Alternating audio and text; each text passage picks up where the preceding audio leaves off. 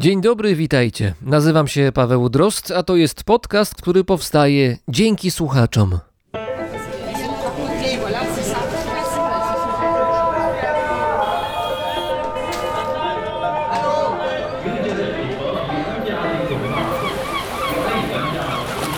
Brzmienie świata z lotu Drozda.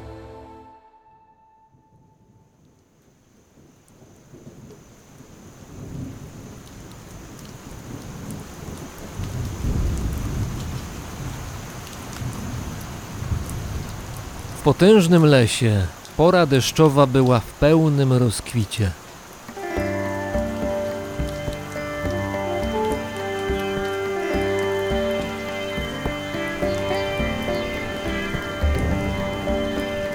Mimo, że ze wszelkiej roślinności spływały strugi deszczu, najważniejsi mieszkańcy lasu nie musieli niczym się przejmować.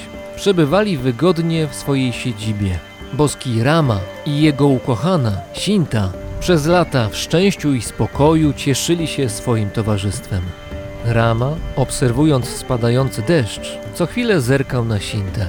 Jej uroda wciąż go zachwycała. Nie był w tym zachwycie odosobniony.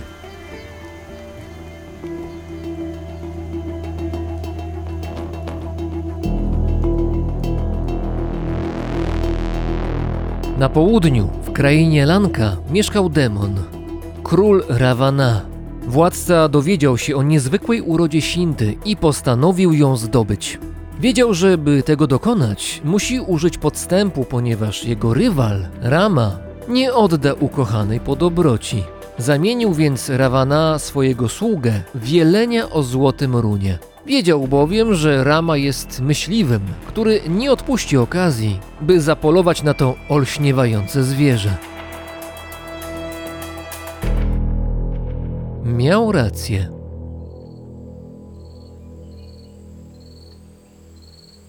Gdy tylko jeleń pojawił się w lesie zamieszkiwanym przez Ramę i Sintę, Rama natychmiast wziął łuk i rzucił się za nim w pogoń. Na to tylko czekał Ravana. Natychmiast zjawił się przed drzwiami domu, w którym Sinta została sama. By ukryć swe intencje, zmienił się w żebraka. Sinta, widząc człowieka wymagającego pomocy, nie potrafiła zostawić go w potrzebie. Wpuściła więc żebraka do środka i zaczęła przygotowywać posiłek. Wtedy Ravana ujawnił prawdziwe oblicze i porwał Sintę do swojego królestwa.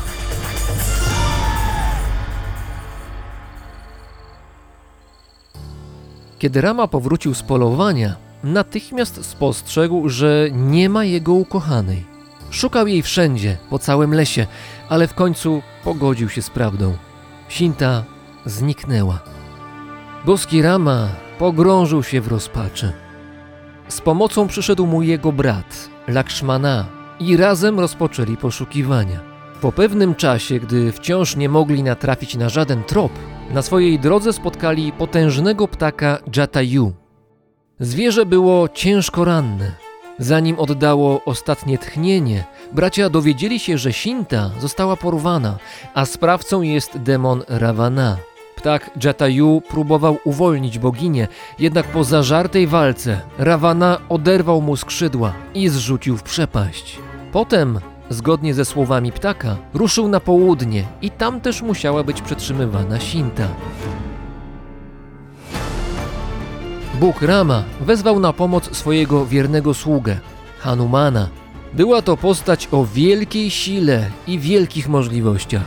Ni to człowiek, ni to małpa. Hanuman dowodził armią małp, ale tym razem musiał wyruszyć na misję osobiście. Po długiej wędrówce dotarł do krainy Lanka, gdzie mieszkał Ravana i szybko odnalazł boginię Sintę. Zaczął tłumaczyć jej, że jest wysłannikiem Ramy i że powinna ruszyć z nim z powrotem do domu, do jej wybranka. Ale Sinta była nieufna. Nie znała Hanumana i odmówiła ucieczki. Hanuman wpadł w gniew. Swoją złość zaczął wyładowywać na wszystkim, co wpadło mu w ręce. Szaleństwo przysłoniło mu rozum. Zamieszanie zwróciło uwagę królewskiej straży.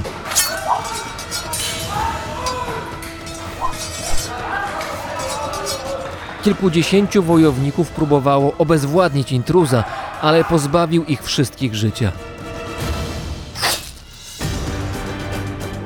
Hanuman został pojmany dopiero wtedy, gdy syn demona Ravany, odpowiednio silny i sprawny, włączył się do walki. Karą za wtargnięcie do krainy Lanka miała być śmierć. Hanuman został przywiązany do pnia, wokół którego zgromadzono drewno. Miał zginąć w ogniu.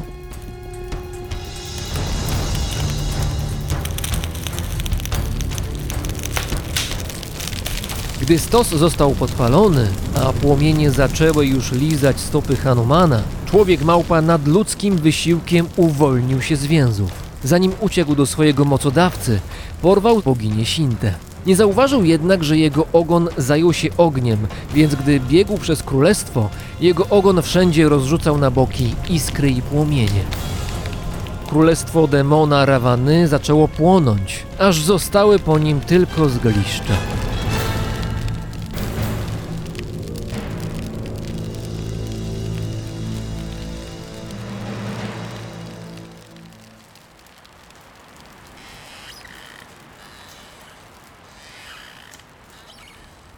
Ta opowieść to skrócona wersja eposu, który znany jest od blisko 2000 lat na terenie Indii oraz w Azji Południowo-Wschodniej. Tam, na jednej z ważniejszych wysp regionu, przedstawiana jest w formie wizualnej, w pewnym teatrze, który z zasady pozostaje w cieniu.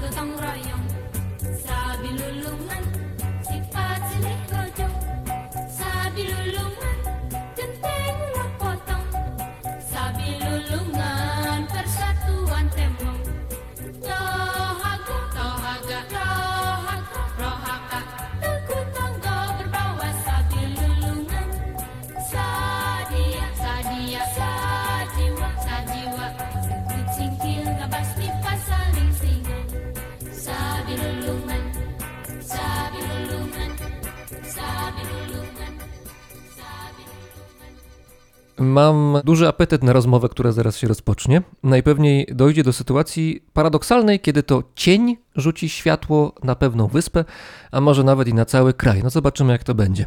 Razem ze mną jest dr Marianna Lis, teatrolożka, której losy od kilku lat związane są blisko z Indonezją. Dzień dobry. Dzień dobry. Rozmawiać będziemy o Wayangu, jawajskim teatrze cieni.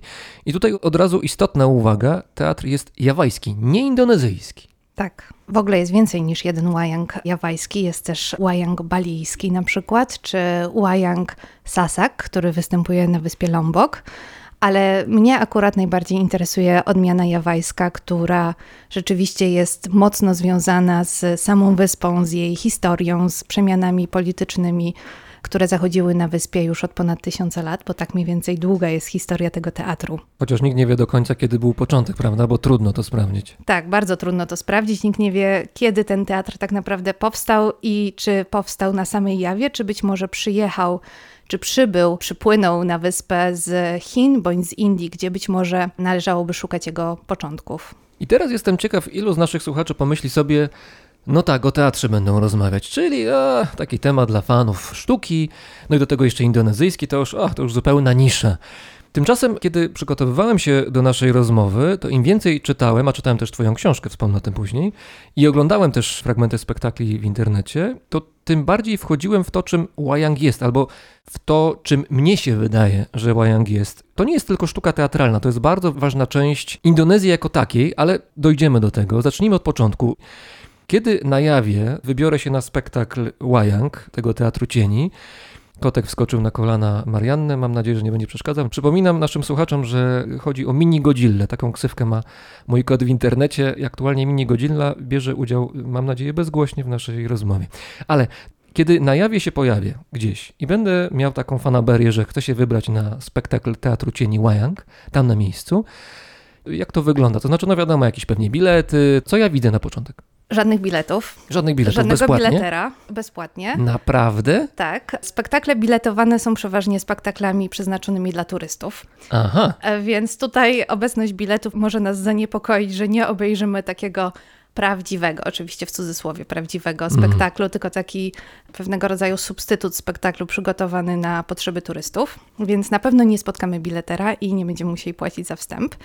Prawdopodobnie znajdziemy się gdzieś na jakiejś otwartej przestrzeni. To może być plac miasta, to może być główny plac we wsi. To może być duże podwórko gdzieś przy domu jakiegoś ważniejszego bądź mniej ważnego mieszkańca tej wsi. Czyli to nie będzie budynek y, jakiś duży, wystawny, dwie kolumienki z przodu, wielki napis teatr. To nie, ta to historia. zdecydowanie nie będzie budynek teatralny. Nie, nie szukajmy budynków teatralnych po to, żeby znaleźć spektakl Wayangu, tylko otwartą przestrzeń, w której prawdopodobnie zobaczymy ekran, zobaczymy lalki, ale nie będziemy oglądać wcale cieni, tylko właśnie będziemy oglądać lalki i będziemy oglądać lalkarza, który je animuje. Będziemy widzieć śpiewaczki, które będą siedziały przed ekranem, A tyłem to zasłaniają ekranu. chyba ten ekran. Nie, ekran jest bardzo duży. Ekran ma kilka metrów długości i kilka metrów wysokości. Natomiast nie na całym ekranie rozgrywa się akcja spektaklu. Tutaj akcja spektaklu jest ograniczona tak naprawdę zasięgiem ramion lalkarza, ponieważ cały spektakl, który potrwa w tej wersji tradycyjnej całą noc, jest przygotowywany przez jednego lalkarza, jest prowadzony przez jednego lalkarza, który animuje wszystkie lalki, które zobaczymy na ekranie. Więc kiedy już się tam znajdziemy, zobaczymy właśnie ekran, zobaczymy lalki, zobaczymy lalkarza, śpiewaczki i zobaczymy cały zespół muzyków, który będzie akompaniował, grał na żywo muzykę przez cały wieczór, przez całą noc, kiedy będzie trwał spektakl. Powiedziałeś ważną rzecz, że to jest teatr cieni, owszem, i cienie są, wszystko się zgadza, ale jednocześnie lalki, które te cienie rzucają na ekran, są dla nas widoczne.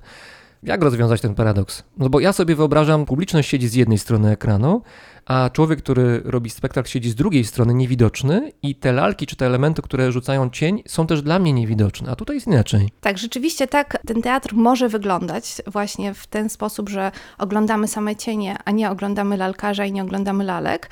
I tak on przeważnie wygląda na Bali, czy właśnie na wyspie Lombok. To jest taka jedna z najważniejszych wizualnych różnic, jak można na pierwszy rzut oka, będąc zupełnym lajkiem, rozpoznać te dwa rodzaje teatru. Natomiast na jawie kiedyś oglądano również głównie cienie, natomiast to się zaczęło zmieniać w XX wieku, ponieważ lalki są zdecydowanie bardziej atrakcyjne, kiedy oglądamy lalki, a nie kiedy oglądamy cienie, ponieważ są one pięknie zdobione, pięknie malowane, pięknie wycinane.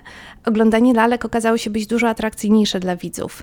Również oglądanie lalkarza w akcji, to w jaki sposób on animuje lalki, w jaki sposób wchodzi w On interakcję. się nie chowa w ogóle, on jest w pełni On jest widoczny. w pełni widoczny, tak. Zupełnie się nie chowa. E, Możemy go podglądać przy pracy, możemy patrzeć w jaki sposób wchodzi w interakcję z lalkami, w jaki sposób żongluje nimi, jak wchodzi w interakcję z, ze śpiewaczkami czy z muzykami, którymi dryguje, bo lalkarz tak naprawdę robi dużo więcej niż samo No to animowanie jest lalek. orkiestra, zaraz będziemy o tym rozmawiać. Ja jestem pod wrażeniem. Nie wiem, co ci ludzie robią, że są w stanie zapanować nad kilkugodzinnym spektaklem, gdzie robią wszystko. To znaczy są aktorem, reżyserem, dyrektorem teatru, który właśnie powstał, nie wiem, scenografem, wszystkim właściwie. Nie wiem, no, może jeszcze napoje roznosi tym wszystkim, którzy przychodzą do teatru. Naprawdę człowiek robi wszystko. Zdecydowanie robi wszystko. Jest jeszcze też właśnie dyrygentem, śpiewa, więc można powiedzieć, że też jest śpiewakiem.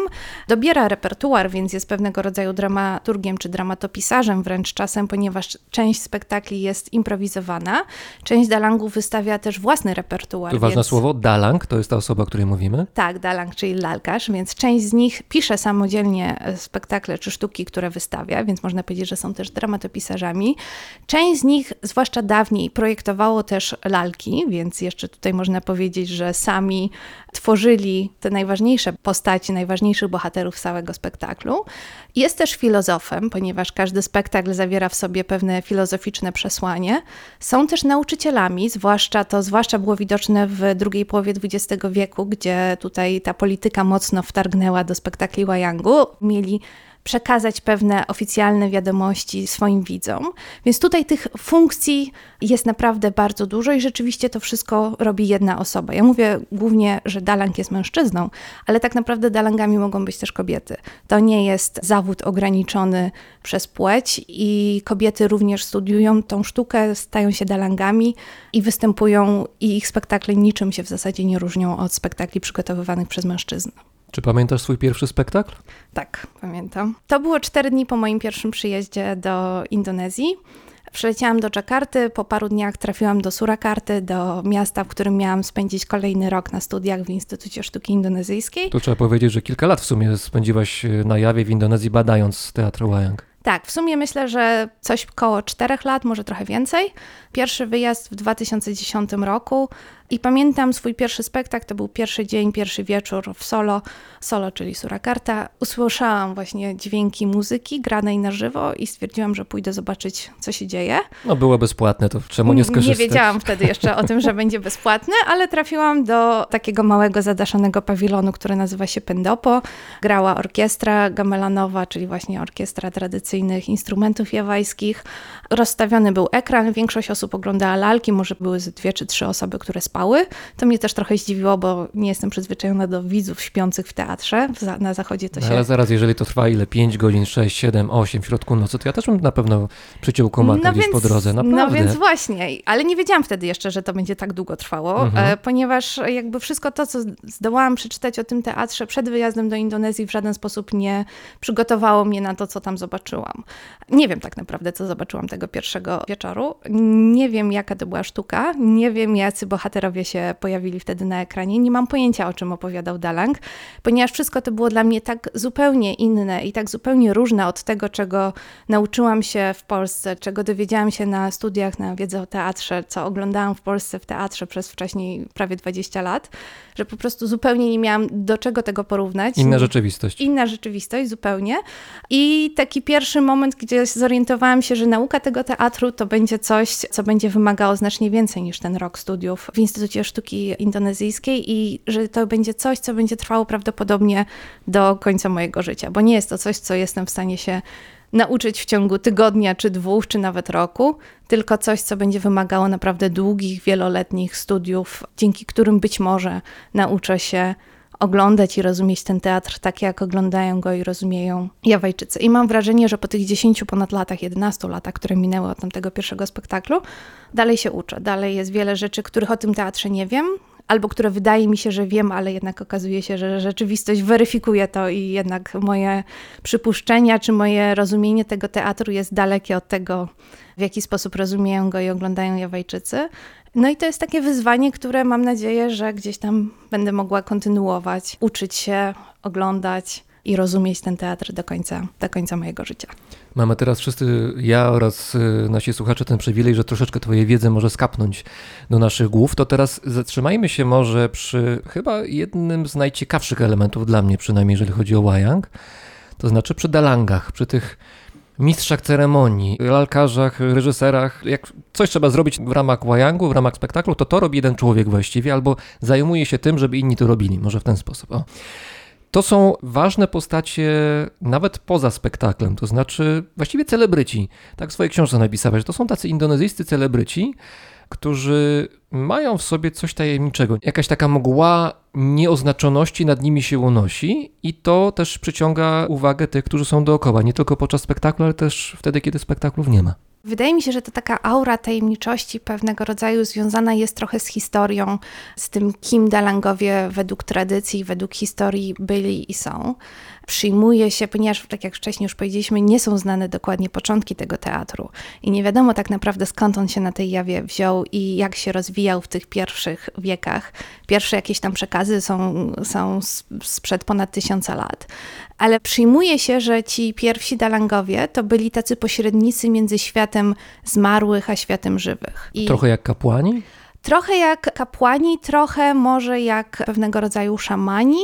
Ktoś, kto przekazuje wiedzę przodków dla dzisiejszych współczesnych sobie ludzi. Poprzez Po- sztukę. poprzez cienie. Te pierwsze cienie, które pojawiały się w spektaklach Wayangu, prawdopodobnie były cieniami symbolizującymi właśnie zmarłych. I za pomocą tych cieni Dalang, czy przeddalang, protoplasta Dalanga, był w stanie komunikować współczesnym sobie ludziom te przesłania, wiedzę, mądrość, którą chcieli przekazać poprzez niego właśnie przodkowie. Więc gdzieś tam w historii tej osoby, czy w pradziejach tej osoby jest wpisany właśnie taki trochę ponadnaturalny, czy ponadcodzienne umiejętności i możliwość komunikowania się z jakimś ponadnaturalnym światem. A w jakim systemie religijnym funkcjonowali ci protoplaści Delangów? To znaczy, wiemy o tym, że w tej chwili muzułmanie to jest 90 czy 90 parę procent mieszkańców Indonezji, to jest muzułmański kraj, ale w przeszłości był i hinduizm, i buddyzm, i pewnie jakieś wpływy chińskie, jakieś miejscowe ruchy czy wierzenia animistyczne. Naprawdę sporo się działo, jeżeli chodzi o kwestie religijne. To wobec tego Dalang, gdzie był tutaj w tym świecie umieszczony? Ci pra, pra, protoplaści dalangów, myślę, że to są jeszcze czasy animistyczne i szamańskie. Te typy wierzeń gdzieś tam były na jawie obecne już ponad tysiąc lat temu. Później napłynął hinduizm. Wraz z hinduizmem napłynęły historie z Mahabharaty i z Ramayany, które stały się podstawą spektakli teatrów cieni pokazywanych do dzisiaj. Później do tego wszystkiego jeszcze też wmieszał się buddyzm, islam, chrześcijaństwo to już są powiedzmy te czasy bardziej współczesne. Natomiast na jawie w ogóle funkcjonuje taki odrębny system wierzeń, który nazywa się Kejawen, który łączy w sobie właśnie islam z wierzeniami, które wcześniej były obecne na To wyspie. jest jeszcze współcześnie funkcjonuje? Tak, to współcześnie funkcjonuje. Szacuje się, że zdecydowanie, wydaje mi się, ponad 40% mieszkańców Jawy właśnie wyznaje tego typu islam. Nie ten islam, który my znamy, powiedzmy, z Bliskiego Wschodu czy z krajów arabskich, tylko właśnie islam, który jest połączony z wierzeniami lokalnymi. I Dalang zdecydowanie wpisuje się w taki, powiedzmy, mistyczny islam, który, który gdzieś tam łączy w sobie te wpływy hinduistyczne, animistyczne, szamańskie, wpływy lokalne i miesza to z islamem. I pozycja wtedy Dalanga jako pewnego rodzaju szamana, czy, czy jakiegoś takiego przekaziciela między dawnym światem a światem współczesnym, jak najbardziej się tutaj wpisuje w taki krąg wierzeń. Również to, że Dalangowie przestrzegają bardzo wielu tradycji, które są powiązane właśnie z wierzeniami jawajskimi, tradycji związanych między innymi z przygotowaniem do spektaklu, z bardzo ścisłym, rytualnym przygotowaniem do spektaklu, ponieważ Dalangowie wierzą, że żeby móc przeprowadzić taki całonocny spektakl, potrzebne jest nie tylko przygotowanie. Tylko duża kawa. E, no właśnie, nie tylko, kilka godzin, to naprawdę bardzo duża kawa albo kilka dużych kaw i yerba mate do tego. nie tylko duża kawa, nie tylko dużo papierosów, e, ale też właśnie przygotowanie duchowe, czy przygotowanie wręcz rytualne, które polega między innymi na przykład na poście. Czyli mam wysiłek przed sobą kilkugodzinny w nocy, naprawdę mam ciężką robotę do zrobienia i żeby sobie pomóc jeszcze poszczę. Tak, bo to wzmacnia siły duchowe. Mm. Potrzebna jest bardzo duża siła duchowa, żeby móc udźwignąć całonocny spektakl. Więc tutaj są posty stosowane przez dalangów, ale też na przykład medytacje. To też wzmacnia nasze siły duchowe, które będą potrzebne w trakcie spektaklu. To jest niesamowite. Medytacja w systemie islamu to jest przedziwne połączenie zupełnie. To jest właśnie ten islam, który jest bardzo specyficzny dla jawy, który nie jest tym islamem, który nam się najczęściej z tym hasłem kojarzy. To nie jest taki islam arabski, czy z krajów tutaj arabskich. To nie jest taki islam, o którym my się ewentualnie uczymy, jeżeli się w ogóle uczymy czegoś o, o islamie, poznajemy islam. Tylko to jest islam bardzo lokalny, bardzo specyficzny polityczny, który ma wiele Przetworzone jest przez Przed-. Jest bardzo przetworzony, ma wiele właśnie takich wręcz rytualnych aspektów, takich jak właśnie medytacje, posty, jakieś sposoby komunikowania się z, z przodkami. Więc to wszystko się gdzieś tam w Dalangu kumuluje. I Dalang jest tym takim symbolem osoby, która jakoś łączy ze sobą te dwa porządki, te dwa światy. Ten nimb tajemniczości, od którego żeśmy zaczęli, gdzieś tam z tego na pewno wynika. A czy to jest tak, że jak jestem Dalangiem, to po spektaklu do mnie ludzie przychodzą, żeby się poradzić, żebym coś im wskazał, może ścieżkę życiową, rozwiązał problem, e, żebym był takim konsultantem życiowym? Często się tak zdarza, niekoniecznie po spektaklu, bardzo często takie rzeczy są w trakcie spektaklu. W trakcie spektaklu. E, tak, bo może właśnie powiem, dlaczego te spektakle nie są biletowane, bo to się ze sobą łączy. Mhm. Spektakle nie są biletowane, dlatego że każdy spektakl ma swojego sponsora. I tym sponsorem może być na przykład państwo, i wtedy spektakle pokazywane są na przykład z okazji Święta Niepodległości Indonezji, bądź z okazji jakichś lokalnych wydarzeń, na przykład wyborów. Bardzo często spektakle są częścią kampanii wyborczej polityków lokalnych, którzy występują w czasie spektaklu, mają swoje pięć minut, mogą przedstawić swój program Ale wyborczy. udają lalki? Nie. E, Nie, jest w każdym spektaklu jest przewidziany taki moment pewnego oddechu, który nazywa się Goro Goro, który najczęściej zaczyna się po północy i który jest takim momentem rozluźnienia. W nim nie obowiązują żadne sztywne reguły, w nim może dojść do, wydawałoby się, przypadkowych spotkań, takich jak właśnie na przykład Dalanga z politykami, No, przechodził akurat pan, pan Grzesiu, a pan Grzesiu właśnie startuje w wyborach. Zapraszam, zapraszam, zapraszam. Trochę tak, trochę to tak wygląda. Dalangowie bardzo często udzielają głosu swoim sponsorom właśnie w trakcie tej sceny Goro Goro, po czym równie często wyśmiewają ich, bądź krytykują ich, bądź w jakiś cięty sposób odpowiadają na to, co oni powiedzieli. To się robi trochę stand-up wtedy. Trochę jest stand-up. Bardzo często zresztą komicy i stand-uperzy są zapraszani do tych fragmentów spektaklu, ale też bardzo często właśnie w trakcie tych scen Goro Goro Dalang rozmawia ze sponsorami, którymi już niekoniecznie muszą być politycy, mogą być nim także po prostu zwykłe rodziny, które zapraszają Dalanga z okazji jakiejś ważnej uroczystości rodzinnej, na przykład ślubu, bądź e, narodzin dziecka, bądź obrzezania, bądź jakiejś innej religijno-rodzinnej uroczystości. A to jest duży wydatek? To jest duży wydatek, tak. Mm. I wtedy ci sponsorzy, którzy zapraszają Dalanga na uroczystość rodzinną, też mogą w czasie tej właśnie sceny Goro Goro z nim porozmawiać. On może im w jakiś sposób, no może nie pobłogosławić, to jest złe słowo, ale w jakiś sposób jakby przekazać im jakąś dobrą energię, dobrą radę, Czyli to, wskazać... czyli to nie tylko jest tak, że chcę się pokazać, zobaczcie, stać mnie, zaprosiłem Dalanga, tylko to jest tak, że stać mnie, owszem, zobaczcie, ale przy okazji też mam coś takiego, co przyda mi się na późniejsze lata czy miesiące. Strategicznie życiowo patrzę. Tak, zdecydowanie tak. Zwłaszcza, że są też spektakle, które mają ciągle jeszcze ten charakter rytualny i odprawiane są jako część rytuału oczyszczającego daną społeczność, czy daną wieś, czy daną rodzinę. I wtedy jakby ten spektakl rzeczywiście jest pewnego rodzaju inwestycją na lepszą przyszłość, lepsze zdrowie danej rodziny, danego miejsca. I takie spektakle rytualne, które mają oczyścić, to często jest wydatek tak duży, że rzeczywiście składa się na to cała wieś i odprawiane są nie dla jednej osoby, tylko dla całej społeczności. Dlatego, że jeśli mówimy o wydatkach, to ci najlepiej zarabiający dalangowie to rzeczywiście są super gwiazdy. To są celebryci, którzy zarabiają tyle, że można by za to kupić dobry samochód e, Niesamowicie, na noc. teatrze można świetnie zarabiać, to jest ciekawa rzecz. Tak, to jest, to jest może mało spotykane w Polsce, ale... Ale co, Bentleyami przyjeżdżają na spektakl do danej wsi? Nie, ale niektórzy przyjeżdżają, tak jak gwiazdy muzyki pop, mają własne autobusy z własnymi wizerunkami, przyjeżdżają ze Mm. swoją ekipą, żyją w trasie i te ich autobusy, no nie koncertowe, ale spektaklowe, można tak powiedzieć, wyglądają dosyć podobnie do tego, co gdzieś tam się widzi na zachodzie, jak podróżują właśnie muzycy będący w tournée. No, ale jak połączyć tę, powiedzmy, próżność celebryty, który się pokazuje, zobaczcie, to jestem ja, jestem fantastyczna, z drugiej strony pewien rodzaj skupienia na sobie, na duchowości, na medytacji. Jak to połączyć? To jest jak ogień z wodą.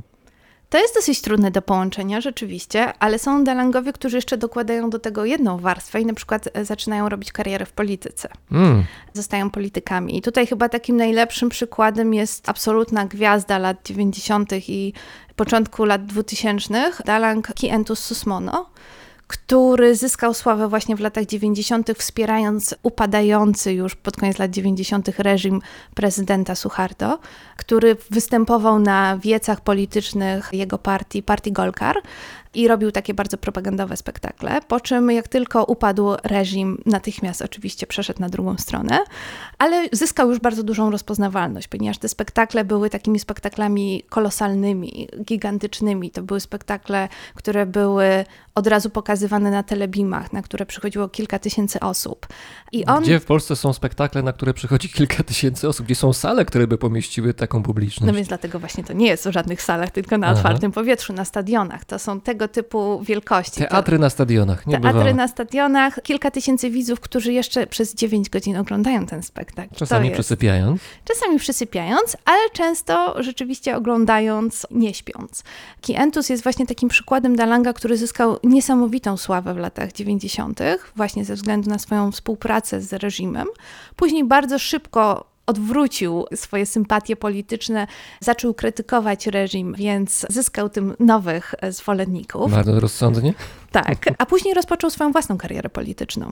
Do tego stopnia, że został wybrany gubernatorem jednej z, nie prowincji, tylko powiedzmy powiatów, coś, coś Mhm. jakby ten podział administracyjny w Indonezji jest trochę inny niż w Polsce, ale powiedzmy, że powiatu. No i to, że był Dalangiem, który był rozpoznawalny, to, że mógł sobie prowadzić kampanię wyborczą w trakcie spektakli swoich własnych, to zdecydowanie mu pomogło w tym, żeby zyskać na tyle dużą popularność, na tyle duże poparcie, żeby zostać wybranym. A jednocześnie jego spektakle zawierały bardzo dużo właśnie takich wątków religijnych, takich wątków medytacyjnych. Pokazywały, że to nie jest tylko show polityczne, ale to jest coś więcej. To jest jakaś tutaj. e, Misterium. Jakiś pewnego rodzaju misterium, jakaś nauka filozoficzna, która z tego płynie. Więc tutaj jak najbardziej prawdziwie dobrzy dalangowie są w stanie to ze sobą bardzo sprawnie i płynnie połączyć, pokazując, że oferują nie tylko taką błahą rozrywkę, ale za tą błahą rozrywką coś się kryje, coś więcej, coś, co pozwoli widzom stać się lepszymi ludźmi. Tutaj historia o hinduskich bogach, a tutaj proszę bardzo, nasz sponsor, pan Grzesiu.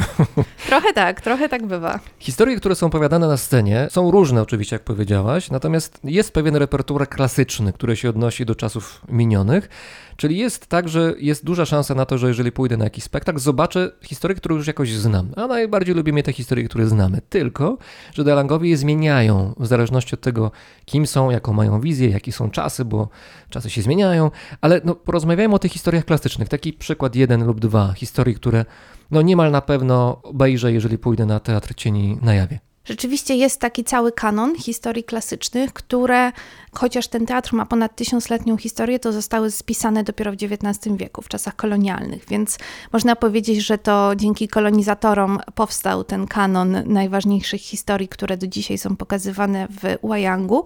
W związku z tym nie do końca wiadomo, czy one rzeczywiście są tak bardzo klasyczne, klasyczne, czy są klasyczne z XIX wieku.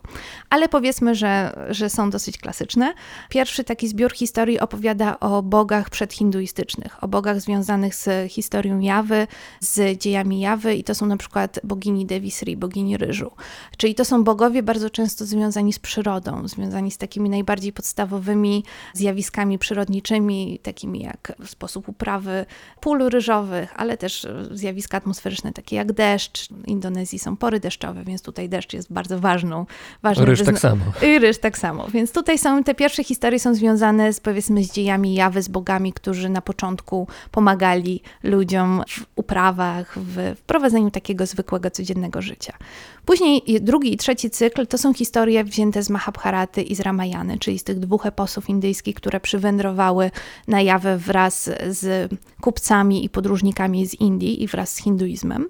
I tutaj są historie, te, które są najczęściej pokazywane w tym teatrze, te, które są najpopularniejsze, czyli na przykład historie z Mahabharaty wzięte, historii pięciu braci Pandawów. I tutaj taki ukochany bohater Jawajczyków, czyli Arjuna, jeden właśnie z tych pięciu braci Pandawów, wspaniały, szlachetny wojownik, wzór męskości, mężczyzna idealny, do którego jakby porównują się wszyscy Jawajczycy, chcąc być tak wspaniałymi jak on. Ja myślałem, że oni się porównują do tego Supermana jawajskiego z teatru Wayang. Jest taki, prawda? Superman. Jest, jest też Superman. jest Na literę G pamiętam, gdzieś to mam w notatkach, szybko sprawdzam, ale to pewnie ty pamiętasz. Gatot Kacza. O właśnie, bardzo dziękuję. Tak.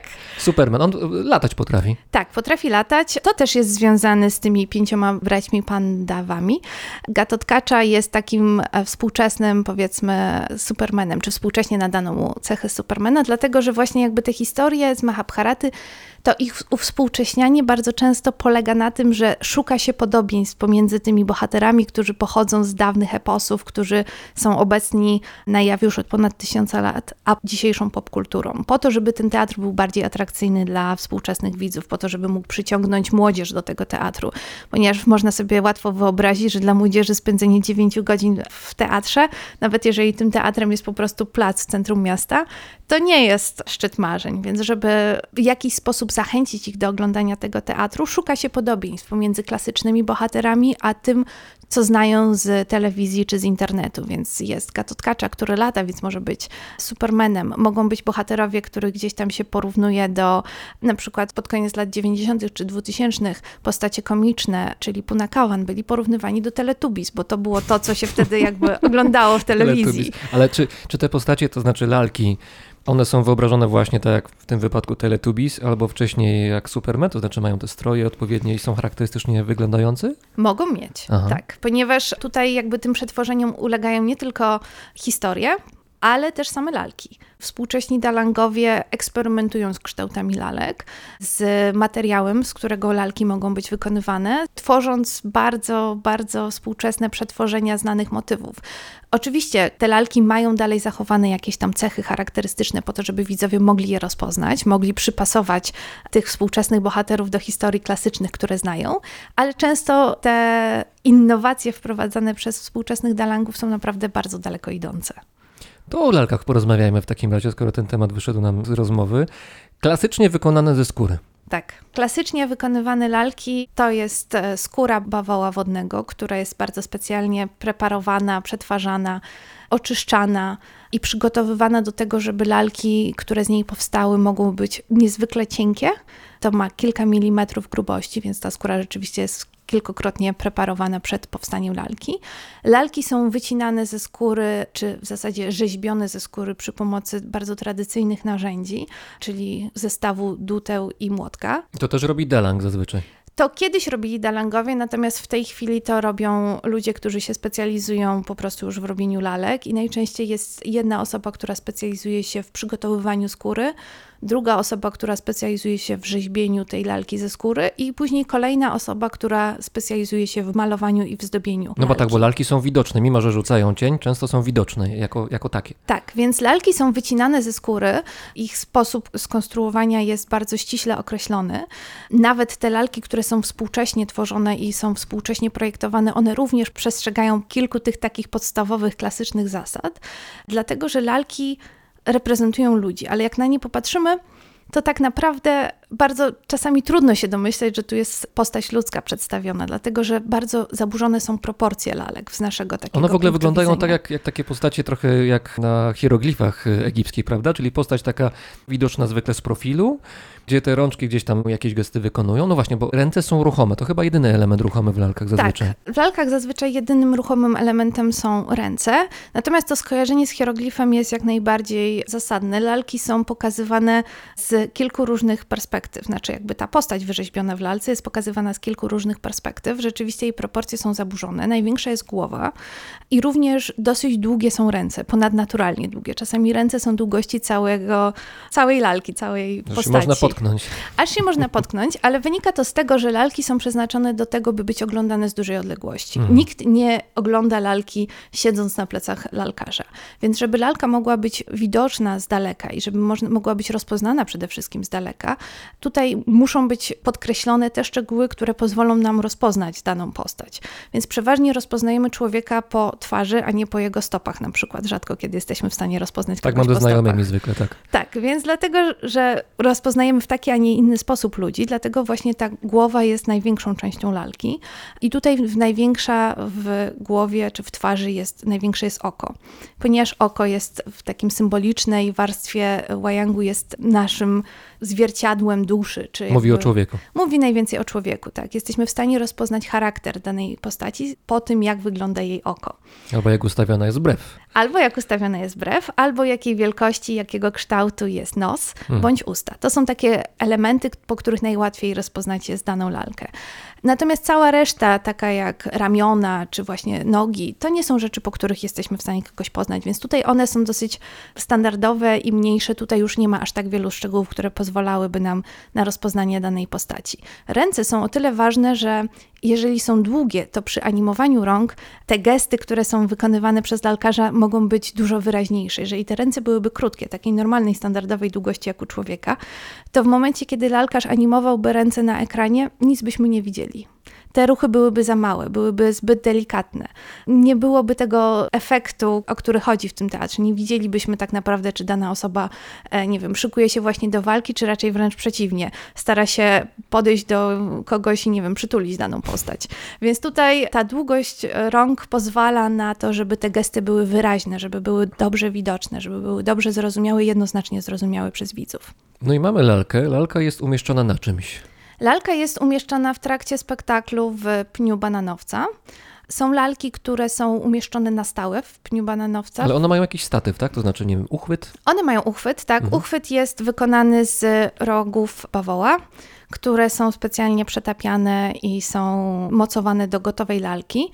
I to się dzieje już po pomalowaniu, więc jeszcze jest ten jeden etap malowania. Lalka jest najpierw rzeźbiona, później jest malowana i może być malowana przy pomocy zwykłych farb, ale może też być pokryta na przykład złotem. Część lalek jest naprawdę bardzo drogocennych, stąd też wynikają na przykład ceny wynajmu dobrego dalanga i ceny sponsorowania dobrego spektaklu. Jeżeli są używane bardzo wysokiej jakości lalki, to też ma wpływ na końcową cenę spektaklu i końcową cenę, którą należy zapłacić dalangowi. Jeżeli posługuje się lalkami, które są zwykłymi lalkami, przekazywanymi mu gdzieś tam z pokolenia na pokolenie, no prawdopodobnie cena takiego spektaklu nie będzie aż tak wysoka. Natomiast jeżeli dalang ma naprawdę wartościowe lalki, którymi się posługuje w czasie spektaklu, to też ma wpływ na, na końcową cenę.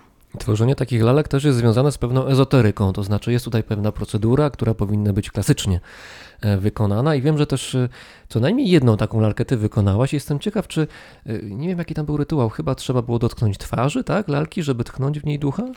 Tak, rzeczywiście wykonałam jedną lalkę, zajęło mi to rok. Normalnie ludziom zajmuje to dwa tygodnie, średnio tydzień. No ale pierwszy raz w życiu Mhm. robiłam coś takiego, więc uczyłam się. A co to E, była za lalka? To znaczy, co to była za lalka, jeżeli chodzi o postać? To była Srikandi, to jest moja ulubiona postać kobieca z, ze wszystkich postaci pojawiających się w Wayangu.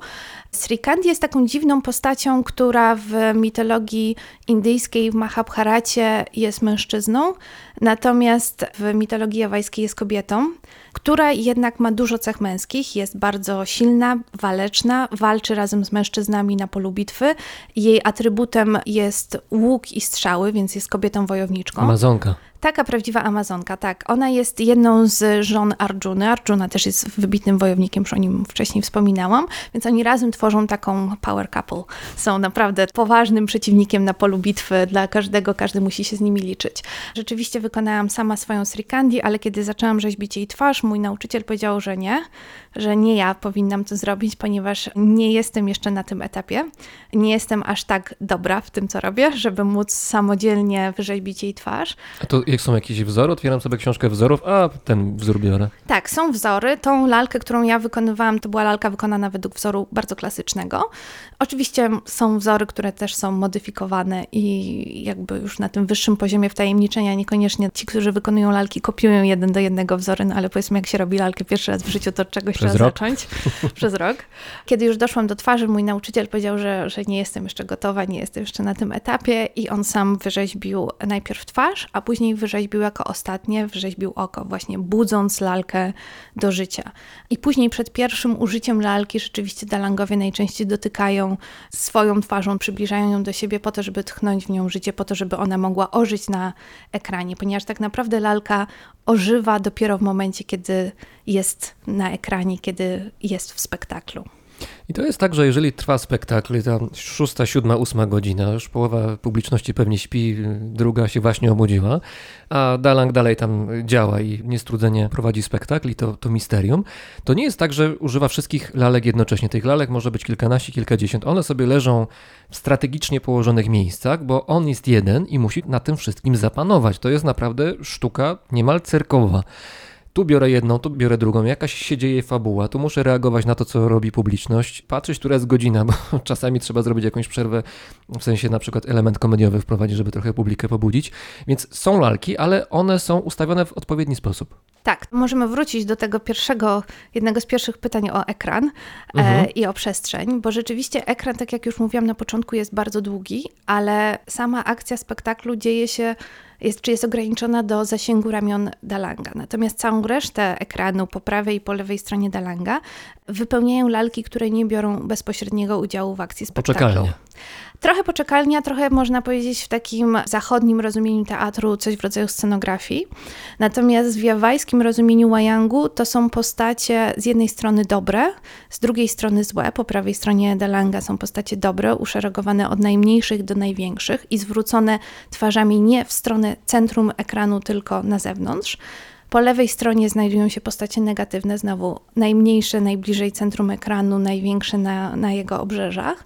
Również zwrócone są od środka ekranu. I to są lalki, które symbolizują tą nieustającą walkę pomiędzy dobrem a złem, która toczy się w sercu każdego człowieka i która toczy się również na ekranie w czasie trwania spektaklu. A czy lalki czasami zmieniają swoje miejsce z lewej na prawą, z prawej na lewą, że raz są dobre, raz są złe? Te, które nie biorą udziału w akcji spektaklu, nie. To jest e, zestaw cech, który jest na stałe przypisany do lalki, który możemy właśnie rozpoznać między innymi po kształcie jej oka, nosa czy ust. Każda lalka ma na stałe przypisany zestaw cech i to się nie zmienia. W trakcie spektaklu te cechy są po prostu zawsze takie same. Natomiast w trakcie trwania akcji spektaklu te lalki, które znajdują się tej centralnej części, które biorą udział w akcji spektaklu, one rzeczywiście w nich też toczy się ta walka między dobrem a złem. One mogą czasami podjąć jakąś złą decyzję, w wyniku której przez chwilę przejdą na tą złą stronę mocy, ale Dalang jest tam po to, żeby doprowadzić ten rozchwiany świat do równowagi i po to, by wskazać, jakie może być wyjście, nawet jeśli podejmiemy jakąś złą decyzję, czy bohaterowie podejmują jakąś złą decyzję. Więc on tutaj będzie dbał o to, żeby na koniec wszystko wróciło do równowagi, żeby te lalki zajęły te miejsca, które powinny zająć według tradycji. Jestem Dalangiem, jest właśnie jakaś kolejna scena. Biorę jedną lalkę z lewej, drugą z prawej. Trzymam je w rękach. Mogę operować ramionami tymi troszkę przydługimi. Mówię coś, rozumiem, że odgrywam scenę, jest jakiś dialog, w tle gra muzyka, prawda, bo mam zespół, którym jeszcze muszę dyrygować, oczywiście, jakbym miał za mało obowiązków. I teraz, co się może wydarzyć w ramach danej sceny? To znaczy, jakie są klasyczne układy? Bo wiem, że na przykład walka jest takim elementem, który bardzo często się pojawia i odpowiednio jest też animowana taka scena. W ogóle charakterystyczna jest budowa spektaklu. Tam nie ma tak bardzo dużo przestrzeni na improwizację, jeśli chodzi o samą konstrukcję spektaklu. Każdy spektakl składa się z trzech części, takich głównych części. W pierwszej części następuje zawiązanie akcji, w drugiej części następuje rozwinięcie, a w trzeciej zakończenie. To jest taka dosyć standardowa tak, konstrukcja, która rozpoznawalna jest na całym świecie. I w tej drugiej części jest właśnie ten moment oddechu, ta scena Goro Goro, o której już wcześniej wspominałam. Ten moment komiczny, powiedzmy, spektaklu. I sam spektakl jest też tak zbudowany, że każdy wie, że, że widzowie niekoniecznie będą oglądać z zapartym tchem od pierwszej sceny do No to jest ostatniej. niewykonalne, 9 godzin czy Więc 7 właśnie, niewykonalne. Więc ten teatr jest tak zaplanowany i tak skonstruowany, że wszyscy sobie doskonale zdają z tego sprawę, że nikt nie będzie tego śledził z zapartym tchem. I w związku z tym co jakiś czas pojawiają się sceny, które przypominają to, co się już wydarzyło W poprzednim odcinku. w poprzedniej scenie, ale też zapowiadają to, co się wydarzy. Na wypadek, gdyby ktoś nie był w stanie dotrwać do końca, A to już mniej więcej wie, czym się ten spektakl może skończyć. W związku z tym e, te sceny takie narracyjne są porozkładane mniej więcej równo w całym spektaklu. Natomiast rzeczywiście z takich scen, które bardziej przykuwają uwagę widzów, no to zdecydowanie są sceny walk, w których tak naprawdę Dalang może pokazać cały swój kunszt i może pokazać, jak dobrym jest lalkarzem, jak sprawnie animuje lalki, jak dużo głosów potrafi podłożyć i jak dużo efektów głosowych jest w stanie Znaczy on jeszcze robi za efekty dźwiękowe, to Tak. podejrzewam, tak? Patataj, patataj, przyjeżdża teraz bohater. Tak, on, on też dodaje wszelkie efekty dźwiękowe do tego, co się dzieje na ekranie. I tych scen walki też jest oczywiście mnóstwo różnych rodzajów. Takie najbardziej spektakularne to są, kiedy na ekranie ścierają się armie. Są specjalne lalki, które jedna lalka jest w stanie symbolizować całą armię. To Mhm. są takie dosyć duże, prostokątne lalki, na których są narysowani żołnierze. I wtedy są takie sceny, które pokazują starcie dwóch armii ze sobą na przykład. Ale też dużym wyzwaniem jest to, kiedy w trakcie sceny używana jest broń, ponieważ co prawda jedyną ruchomą częścią lalki są jej ręce, ale niektóre lalki mają też broń, dodatkową lalkę tak naprawdę, która symbolizuje na przykład strzałę albo która symbolizuje jakiś... No właśnie, e, s- czytałem w twojej książce, że animowane mogą być strzały, które są wypuszczane z łuków danego bohatera, danej lalki. Tak, to są po prostu pojedyncze strzały, które są, tworzą pojedynczą lalkę. Takie slow motion, tak leci sobie wolniutko strzała i trafia w cel albo nie. Może tak to wyglądać, może być ich więcej, może to nie być zupełnie slow motion, tylko może to się dziać naprawdę całkiem szybko. Spektakularne są też sceny, w których bohaterowie mierzą się z gigantami czy z olbrzymami, bo to są naprawdę dosyć duże lalki, które mogą mieć ponad metr wysokości, więc Ile to waży? Dużo. I to są lalki, które są też dosyć dużym wyzwaniem dla lalkarza, ponieważ sprawne animowanie takiej lalki wymaga naprawdę dużej wprawy. One przeważnie są troszeczkę inaczej skonstruowane niż reszta lalek. Mają na przykład tylko jedno ruchome ramię, a nie dwa, dlatego żeby w ogóle dało się je animować. Ale rzeczywiście sprawne operowanie takimi lalkami świadczy już o bardzo wysokim kunszcie lalkarza. Dlatego też nic dziwnego, że wiele osób przychodzi tylko na sceny walki, na spektakl, nie oglądają całego Tylko kino spektaklu. akcji najważniejsze. Tak, a ponieważ te spektakle są konstruowane według tych samych zasad, bez względu na to, jaka jest historia opowiadana, to większość widzów wie, w którym momencie wieczoru czego się może spodziewać. Więc doskonale wiedzą, kiedy należy przyjść na spektakl, żeby obejrzeć scenę walki, kiedy należy przyjść na spektakl, żeby obejrzeć scenę komediową. Mnie interesuje cały czas, tak się zastanawiam i próbuję sobie to wyobrazić. Jeżeli jest Dalang, mam dwie ręce jedynie, mam dwie postaci, muszę je animować, to znaczy one tam gdzieś tam tymi rękoma ruszają. Czasami jakaś strzała jeszcze przyleci, muszę ją zanimować. Jak ja to robię? Mam tylko dwie ręce i 10 palców. No, da się. No proste, dziękujemy. Ale tak gdybyś sprecyzowała, jak się da. To jest też tak, że rzadko kiedy są sceny, w których są tylko dwie postacie. Więcej jest. Przeważnie jest więcej, ale nie wszystkie się muszą ruszać. Dalang wprowadza na ekran, czy powiedzmy na tą swoją scenę, lalki i część z nich jest po prostu zatykana w pniu bananowca. Niekoniecznie on musi je trzymać w ręku. I żeby podkreślić, że któraś z danych postaci mówi, rusza jedną bądź dwoma rękami tej lalki. I to jakby jest sygnał dla widzów, że, że dana postać właśnie w tej chwili będzie mówić. Natomiast tacy wprawni dalangowie są w stanie animować równocześnie około trzech lalek, czasami czterech, po dwie w jednej ręce. I jeszcze jest jedna rzecz, którą robią. Siedzą po turecku przed ekranem, trzymając najczęściej prawą nogę na lewym kolanie. I w prawej nodze, w prawej stopie, pomiędzy dużym palcem a kolejnym palcem u stopy, trzymają taki mały młoteczek drewniany, Młoteczek. tak, którym uderzają o skrzynię, która znajduje się po ich lewej stronie, w której znajdują się lalki, które być może wezmą udział w akcji spektaklu. I na tej skrzyni zawieszone są metalowe blaszki. I kiedy Dalang uderza tym młotkiem w te metalowe blaszki, w ten sposób dryguje muzykami. W ten sposób daje im znać, że powinni zmienić tempo bądź przejść do kolejnego utworu. Wystukuje rytm utworu, który chce, żeby zagrali. To jest ten sposób, w jaki on może drygować orkiestrą, która się za nim znajduje, no bo nie jest w stanie z nimi się w żaden inny sposób porozumieć. Czyli nie tylko dwie ręce, ale jeszcze noga Tak. z młoteczkiem. Tak. A tu jeszcze powiem, bo powiedziałaś, że Dalang siedzi po turecku ze skrzyżowanymi nogami, to też powiem, że Marianna też teraz siedzi ze skrzyżowanymi e, nogami na krześle, tak po indonezyjsku. Tak. Jest Dalang, mamy lalki, coś się dzieje jest muzyka. Istotna. Muzyka jest istotna i muzyka jest taką ilustracją całego spektaklu. Muzyka może być tradycyjnie wykonywana na instrumentach gamelanu, orkiestry gamelanowej. I ona może być i przeważnie jest dopasowana nastrojem do danej części spektaklu, czyli są odpowiednie utwory, które mogą być i są wykonywane tylko w czasie pierwszej części spektaklu, są osobne, które są wykonywane w czasie drugiej i w czasie trzeciej części spektaklu. Więc nastrój muzyki łączy się z nastrojem czy z etapem, na jakim jest dany spektakl. Natomiast współcześnie ta muzyka niekoniecznie musi być już taka bardzo klasyczna i bardzo tradycyjna. Współcześnie dalangowie bardzo często wprowadzają do zespołów, które z nimi występują, wprowadzają też nowe instrumenty. To mogą być instrumenty perkusyjne, po prostu perkusja. To może być na przykład gitara elektryczna, bądź zupełnie inne rodzaje muzyki, jak na przykład hip-hop, który zastępuje tradycyjną muzykę jawajską. I tu łączymy tysiącletnią tradycję ze współczesnością i da się. Da się, zdecydowanie da się.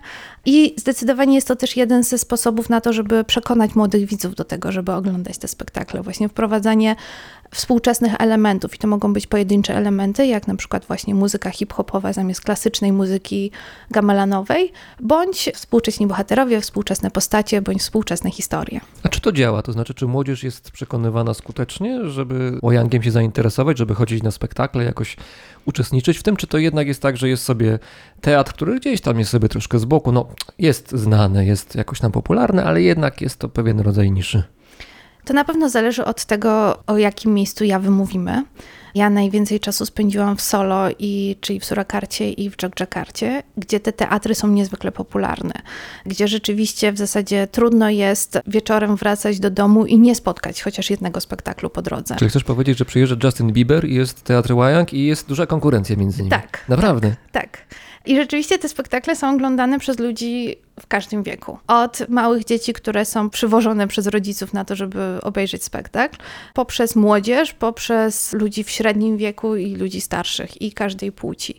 Więc tutaj te teatry są zdecydowanie tam popularne, zdecydowanie są oglądane. No, oczywiście teraz w czasie pandemii na pewno wygląda to inaczej, ale w czasie pandemii ten teatr przeniósł się do internetu.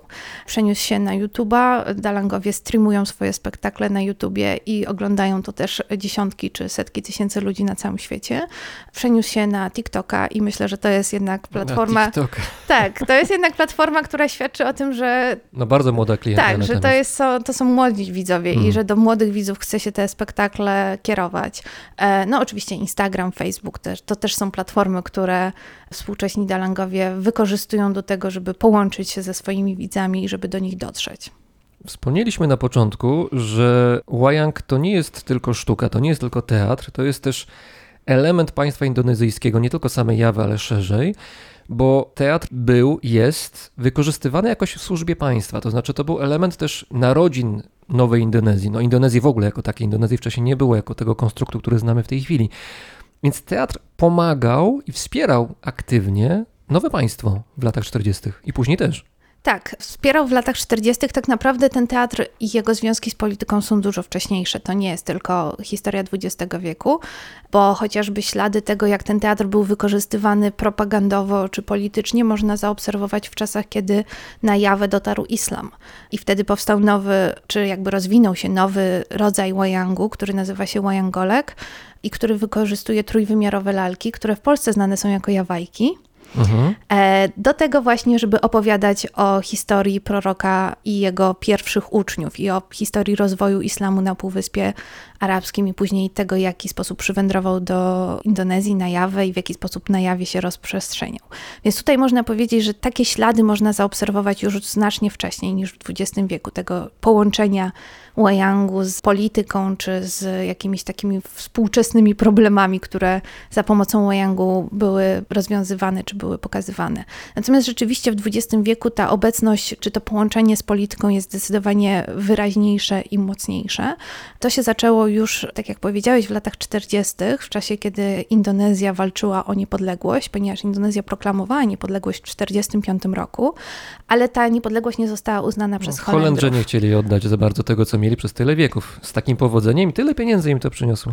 Tak, więc przez kolejne 4 lata trwała rewolucja, ale ponieważ Holendrzy dalej byli obecni w Indonezji i kontrolowali główne media, czyli prasę i radio, to żeby powiedzieć Indonezyjczykom, że w ogóle trwa rewolucja, w ogóle proklamowano niepodległość i jakby pokazać im, co się dzieje w państwie, stworzono taką propagandową formę Wayangu, która nazywała się Wayang Suluh, której poza bohaterami znanymi już z tradycji Wayangu pojawili się też przedstawiciele ówczesnych ruchów niepodległościowych, czyli na przykład pierwszy prezydent niepodległej Indonezji Sukarno.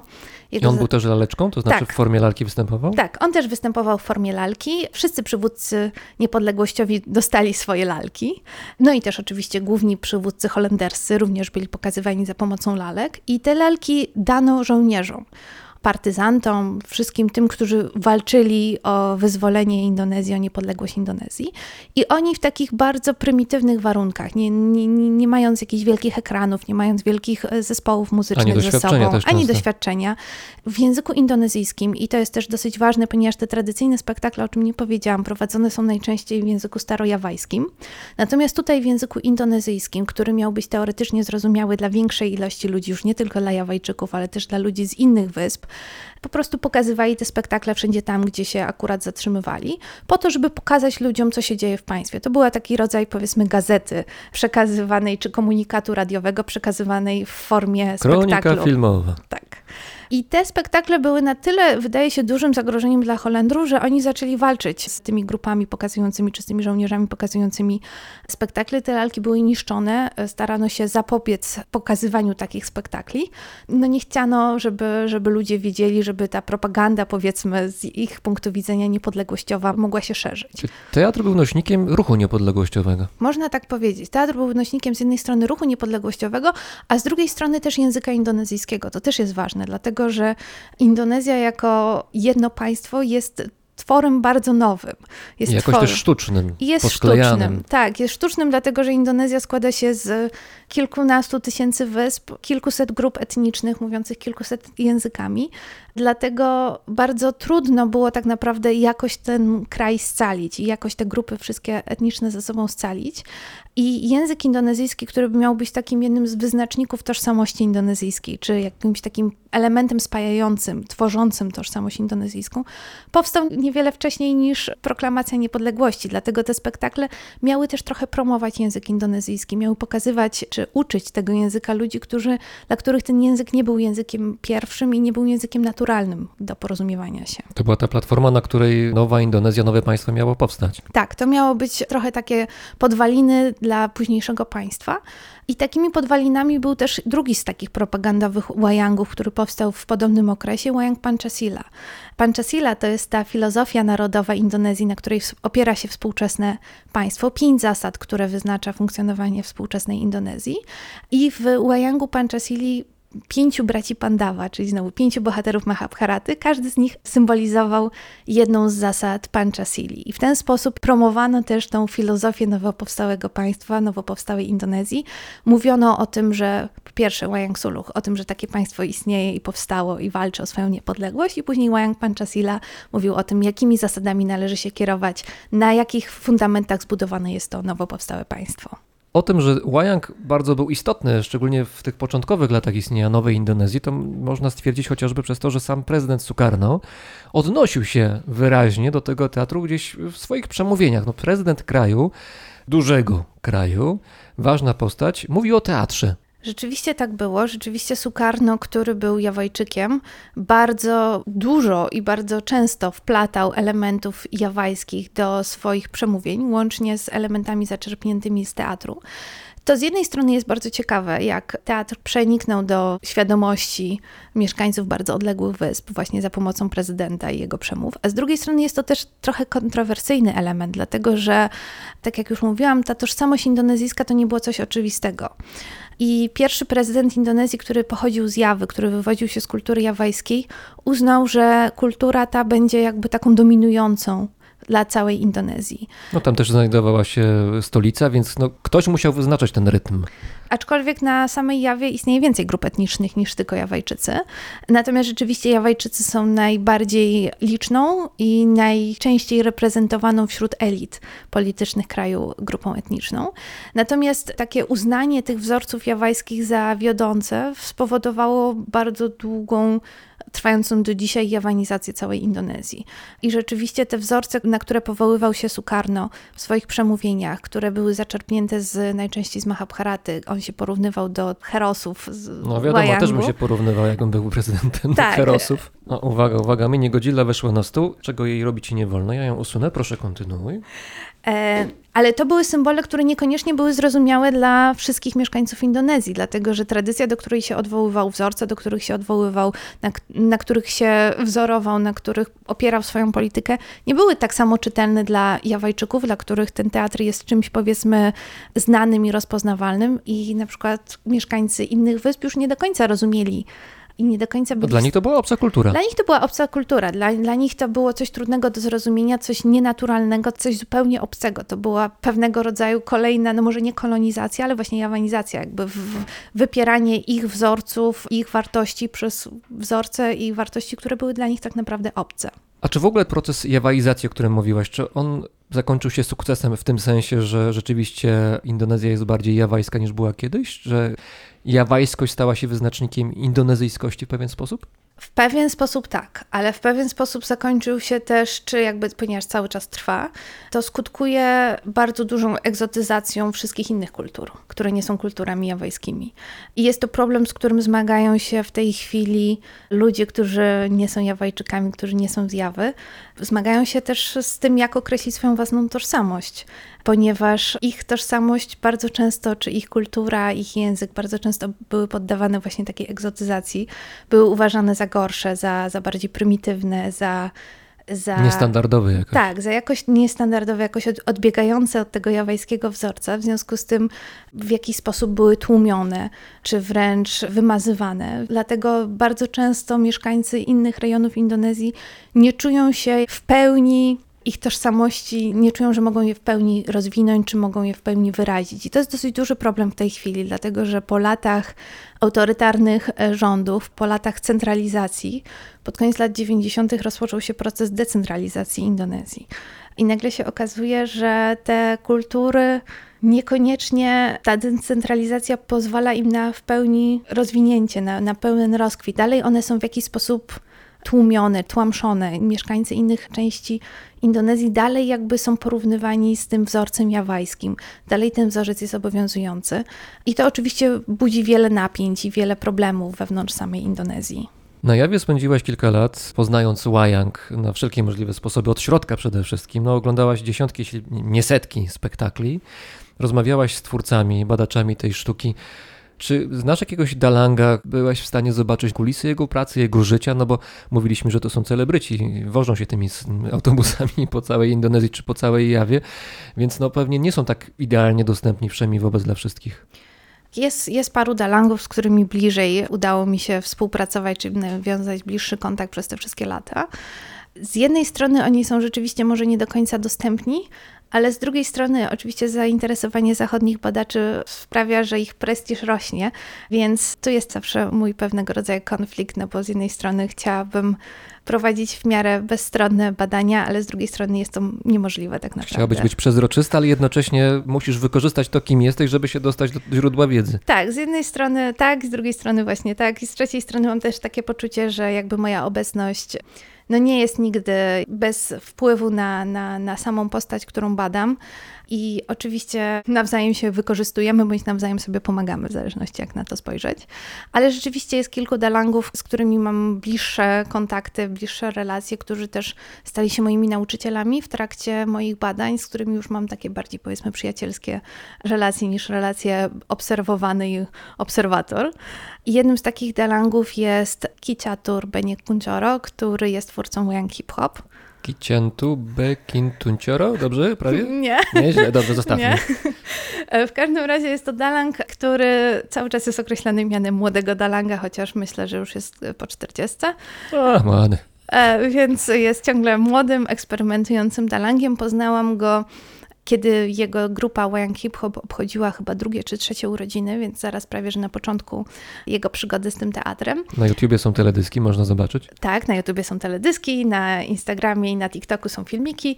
W każdym razie jest to dalang, który pochodzi z bardzo tradycyjnej rodziny. Od pokoleń jego ojciec, dziadek, pradziadek, wszyscy byli dalangami. On też odebrał takie tradycyjne wykształcenie, zaczął się uczyć fachu już będąc dzieckiem.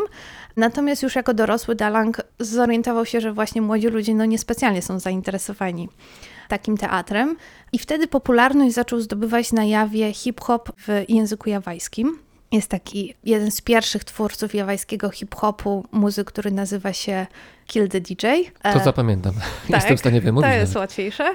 I oni zaczęli ze sobą w jakiś sposób tam współpracować i on właśnie pomyślał, że, że połączenie wayangu z muzyką hip-hopową byłoby tym, co mogłoby przyciągnąć młodych widzów do tego teatru. I to się rzeczywiście sprawdziło. On robi spektakle wayang hip-hop już od ponad 10 lat i oczywiście ta formuła się trochę zmienia, natomiast sam pomysł, żeby łączyć wayang z hip-hopem pozostaje bez zmian. On sam rapuje w czasie swoich spektakli. Muzyka to są hip-hopowe bity, to nie jest już żaden zespół gamelanowy, który by mu tam towarzyszył. Też zamiast e, śpiewaczek tradycyjnych ma raperów, którzy razem z nim rapują. A lalki są tradycyjne, czy też jakieś hip-hopowe? A lalki są, są częściowo tradycyjne, częściowo współczesne. Wykorzystuje tradycyjnych bohaterów, czyli klaunów, punakawan, którzy są takimi postaciami czysto jawajskimi, wykorzystywanymi właśnie najczęściej w tych scenach goro-goro. I on czasami korzysta z tradycyjnych lalek, ale ma też swoje własne przeprojektowane lalki punakawan, które noszą takie hip-hopowe stroje bardziej, tu łańcuchy, czapeczki z daszkiem, okulary Spodnie z przeciwsłoneczne. krokiem tam w okolicy kostek, tak? Tak, tak. Mhm. Ale one bardzo często spotykają tradycyjne lalki, tradycyjnych bohaterów w czasie swoich, e, w czasie swoich podróży Te czy światy się wędrówek. spotykają ze Te sobą. światy się ze sobą spotykają, spotykają się też historie, spotykają się historie, które są gdzieś tam zaczerpnięte właśnie z Mahabharaty najczęściej, z bardzo współczesnymi komentarzami, bo to są dalej historie, które gdzieś tam opowiadają o tradycyjnych dosyć wartościach, na przykład bardzo często o konflikcie międzypokoleniowym. Zawsze aktualne. zawsze aktualne i obecne też w tych spektaklach opartych na tradycyjnym repertuarze i obecne w tradycyjnych historiach. Więc e, tutaj Czatur jest właśnie takim przykładem Dalanga, który gdzieś tam stara się to ze sobą łączyć, te dwa światy.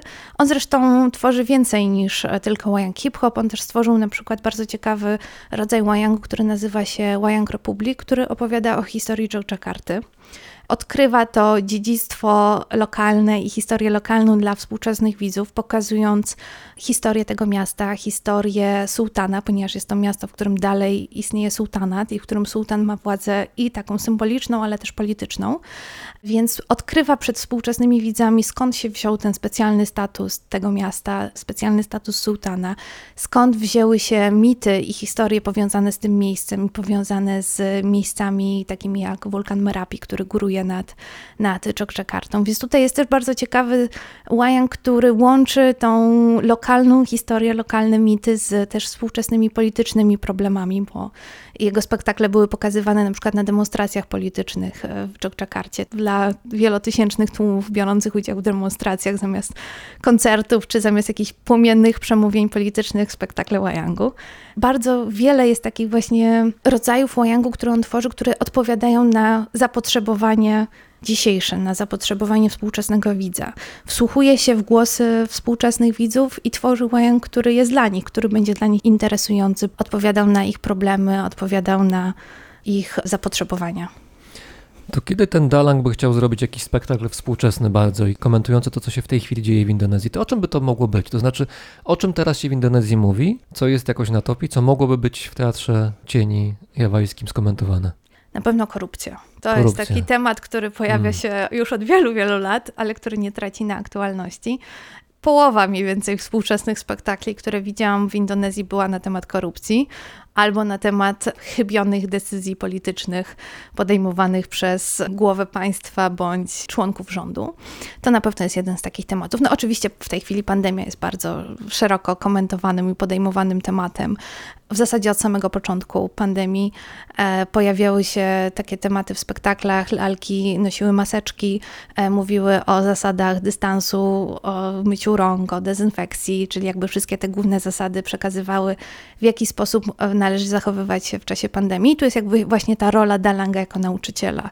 E, większość osób, być może słuchając takich komunikatów gdzieś tam w telewizji czy w radiu, nie zwróciłaby na to uwagi, ale w czasie spektaklu, jeżeli Dalang mówi o tym, że należy myć ręce, należy dezynfekować ręce, należy zachowywać dystans, zakładać maseczki, to szansa na to, że rzeczywiście ludzie tego posłuchają jest zdecydowanie większa. W ramach pandemii też oczywiście temat szczepień. To w ogóle jest dosyć ciekawe, bo w jednym z rejonów Jawy jako jedni z pierwszych zostali zaszczepieni właśnie Dalangowie. Po Ale w to- ramach akcji takiej propagandowej? Tak, tak? Tak, Mhm. w ramach akcji propagandowej. Nie powiedzmy politycy, tak jak w wielu miejscach. Znaczy, Albo też- osoby publiczne. Znaczy, Albo- Dalangowie są osobami publicznymi. Tak, więc- właśnie osoby publiczne, takie jak Dalangowie, dlatego że oni później robili spektakle mówiące, zachęcające do szczepień i sami będąc zaszczepionym mogli powiedzieć, no zobaczcie, zaszczepiliśmy się, Mhm. nic się nie stało, należy się zaszczepić, należy jak naj, najwięcej osób zachęcić do tego, żeby się zaszczepić. Więc tutaj Dalangowie znowu w tej roli z jednej strony pewnego autorytetu, a z drugiej strony nauczycieli, którzy mówią, jak należy się zachowywać. Ale e, oni mają bardzo duże przełożenie na życie publiczne w y, Indonezji. To znaczy, Dalang jak coś powie, to powinienem uważać, będąc politykiem nawet, albo jakąś osobą y, publiczną z innej branży, bo taki Dalang może mi pomóc, ale może mi zaszkodzić, bo ma taką możliwość. Ma taką możliwość, zwłaszcza ci, którzy występują w telewizji, bo istnieje cały nurt jakby Wayang, który jest pokazywany w telewizji i są dalangowie, którzy, Teatr specy- telewizji. tak, którzy specjalizują się. Część z tych to są po prostu transmisje ze spektakli, ale część spektakli jest tworzonych specjalnie na potrzeby telewizji i tu znowu telewizja staje się sponsorem, czyli znowu jest ten, kto jest sponsorem spektaklu, sponsorem może być też telewizja na przykład. Są to telewizje regionalne, ale są też telewizje ogólnoindonezyjskie, które transmitowały i które transmitują spektakle Wayangu, więc ci dalangowie, którzy wypowiadają się w telewizji, jak najbardziej są takimi autorytetami i mogą komuś pomóc bądź komuś zaszkodzić. No ale myślę, że teraz ci, którzy przerzucili się na internet, na YouTube'a, też te kilkaset tysięcy subskrypcji czy, czy kilka milionów subskrypcji, to też jest głos, którym należy się liczyć i głos, który dociera już nie jest ograniczony w żaden sposób geograficznie, który mogą oglądać Indonezyjczycy czy Jawajczycy, którzy są też poza Indonezją. Bo jest diaspora. Jest bardzo duża diaspora, nie tylko w samej Azji, ale też w Europie, w Stanach Zjednoczonych, w Australii. I rzeczywiście, jak się ogląda te streamingi Wayangu na YouTubie, to widzowie bardzo często komunikują się tak, jakby się komunikowali oglądając spektakl na żywo i piszą sobie skąd są, tworzą taką atmosferę podobną do tej, która wytwarza się w czasie spektakli oglądanych na żywo. Rozmawiają o tym, co sobie przygotowują, jakie jedzenie, No to spotkanie towarzyskie. Spotkanie towarzyskie na czacie, przeniesione na Mhm. czat. I rzeczywiście widać po tych e, czatach, że ludzie są z całego świata, oglądają to z całego świata. Nie tylko teorię badałaś e, Wayangu w Indonezji na jawie, ale też praktykę, to znaczy no, próbowałaś swoich sił. No, wiem, że przesadą jest, żeby powiedzieć, że jesteś już dalangiem, pewnie jeszcze troszeczkę czasu minie, ale aspirujesz do tego? Chciałabyś być? Czasami występuje, tak? E, Czyli już je- dalangiem jesteś w takim razie.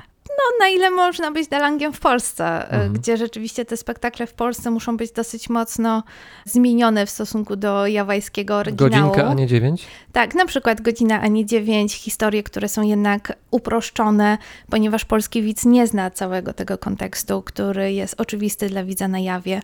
Czy to jest niezbędne w ogóle, żeby znać ten kontekst historyczny, kulturowy, religijny, który mają Jawajczycy na miejscu, kiedy idą na spektakl?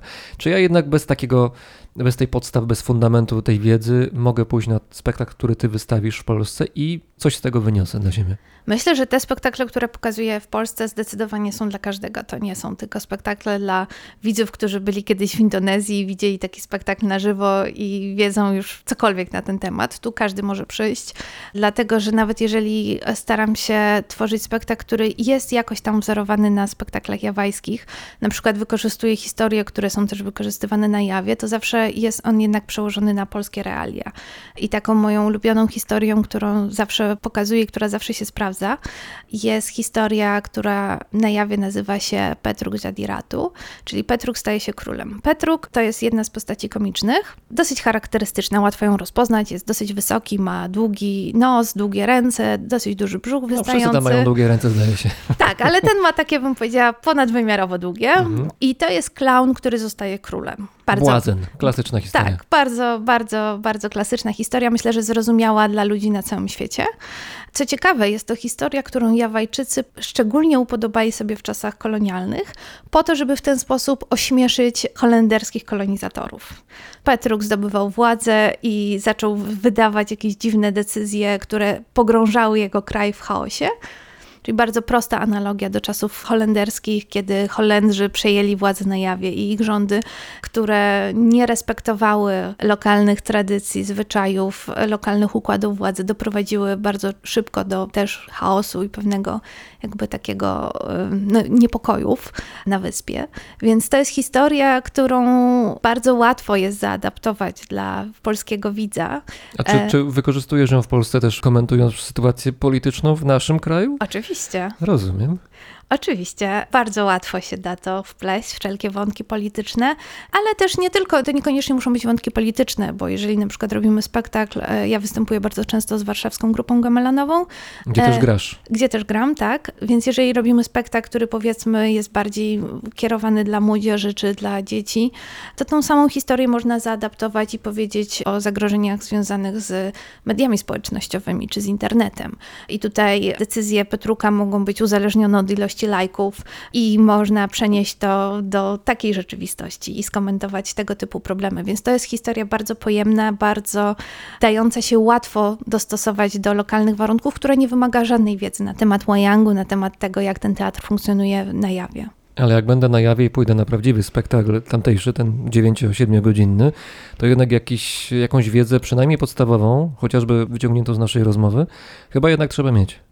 Dobrze by było ją mieć, natomiast jeżeli się jej nie ma, to myślę, że dalej można coś e, z tego spektaklu zobaczyć, zrozumieć i wyciągnąć. No, sceny walki są dosyć czytelne zwykle. Sceny walki są dosyć czytelne. Oczywiście sceny narracyjne nie będą specjalnie ciekawe, ale nie oszukujmy się, te sceny narracyjne nie do końca są zrozumiałe też i dla jawajskich odbiorców, właśnie dlatego, że te spektakle nie są pokazywane po indonezyjsku i nie są pokazywane we współczesnym jawajskim, tylko są pokazywane w starojawajskim, który jest językiem tak naprawdę wykorzystywanym już w tej chwili głównie w Teatrze Cieni. To nie jest jawajski, którym posługują się na co dzień Jawajczycy.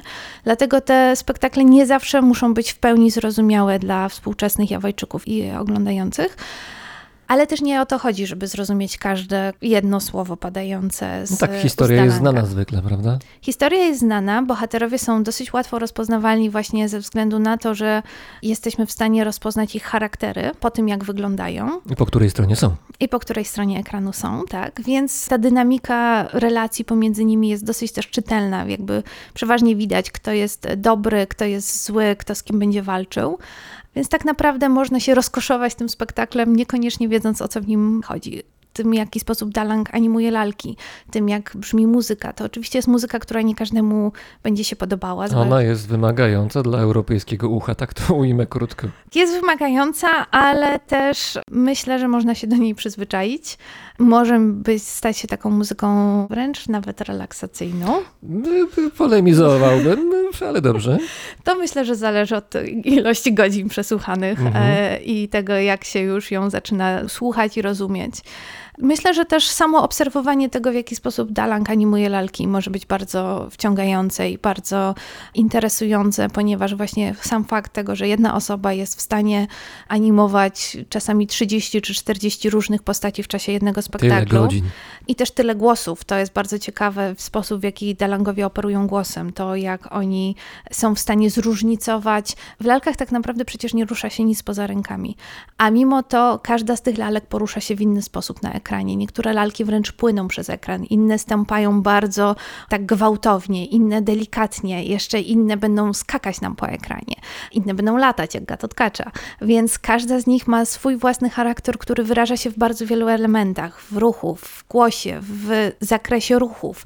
Niektóre będą machać ramionami, inne będą wykonywać bardzo delikatne ruchy. Więc to wszystko jest niezwykle fascynujące i nie musimy wiedzieć w ogóle, co się dzieje na ekranie, żeby móc się tym wszystkim rozkoszować. Przyszło mi do głowy pytanie, co się dzieje, kiedy Dalang potrzebuje pójść do toalety, a jest dopiero czwarta godzina spektaklu? Medytuję wcześniej, żeby takie rzeczy się nie wydarzyły. I pości, tak, żeby na wszelki wypadek problem się nie pojawił w trakcie spektaklu.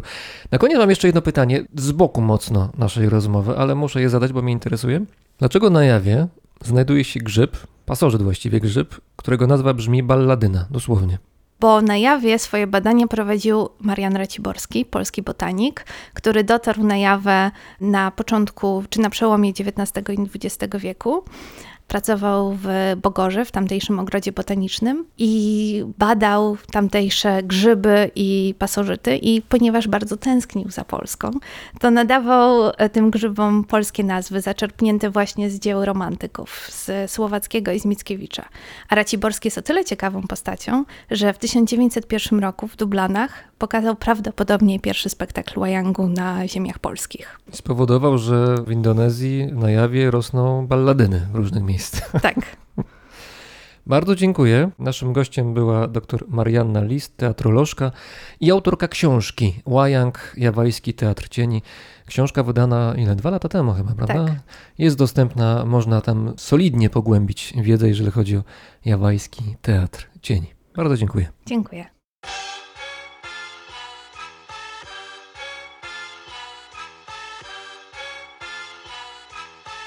HNIC.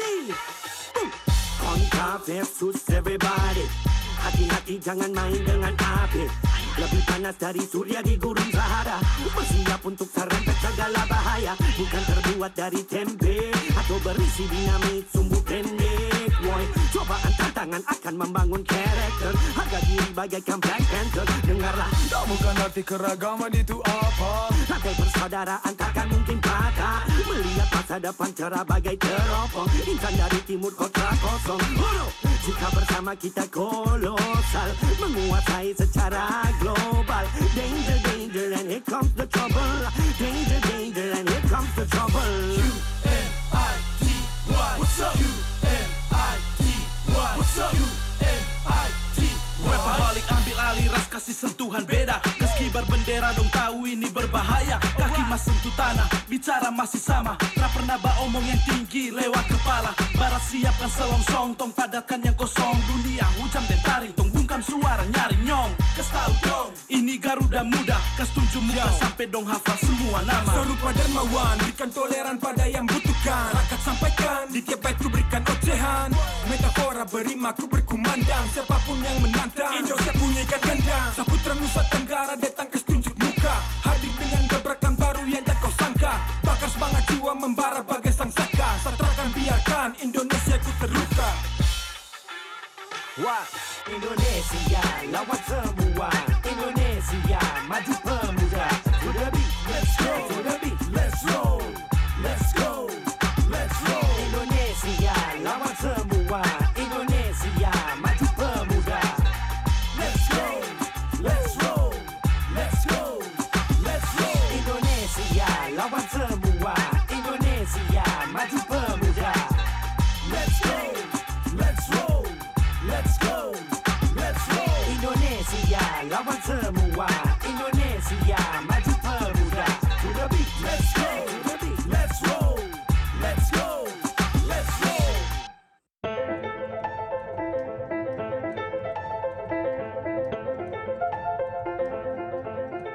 Słuchaliście Brzmienia Świata z lotu Drozda. To audycja, której cotygodniowe odcinki powstają dzięki pomocy i hojności słuchaczy. Możecie do nich dołączyć, korzystając ze strony patronite.pl. Znaleźć mnie jest łatwo, wystarczy wpisać Brzmienie Świata. Dziękuję za każdą wpłatę. Słyszymy się w odcinku 71, a już teraz Paweł Drozd, czyli ja, mówi Wam dobrego dnia.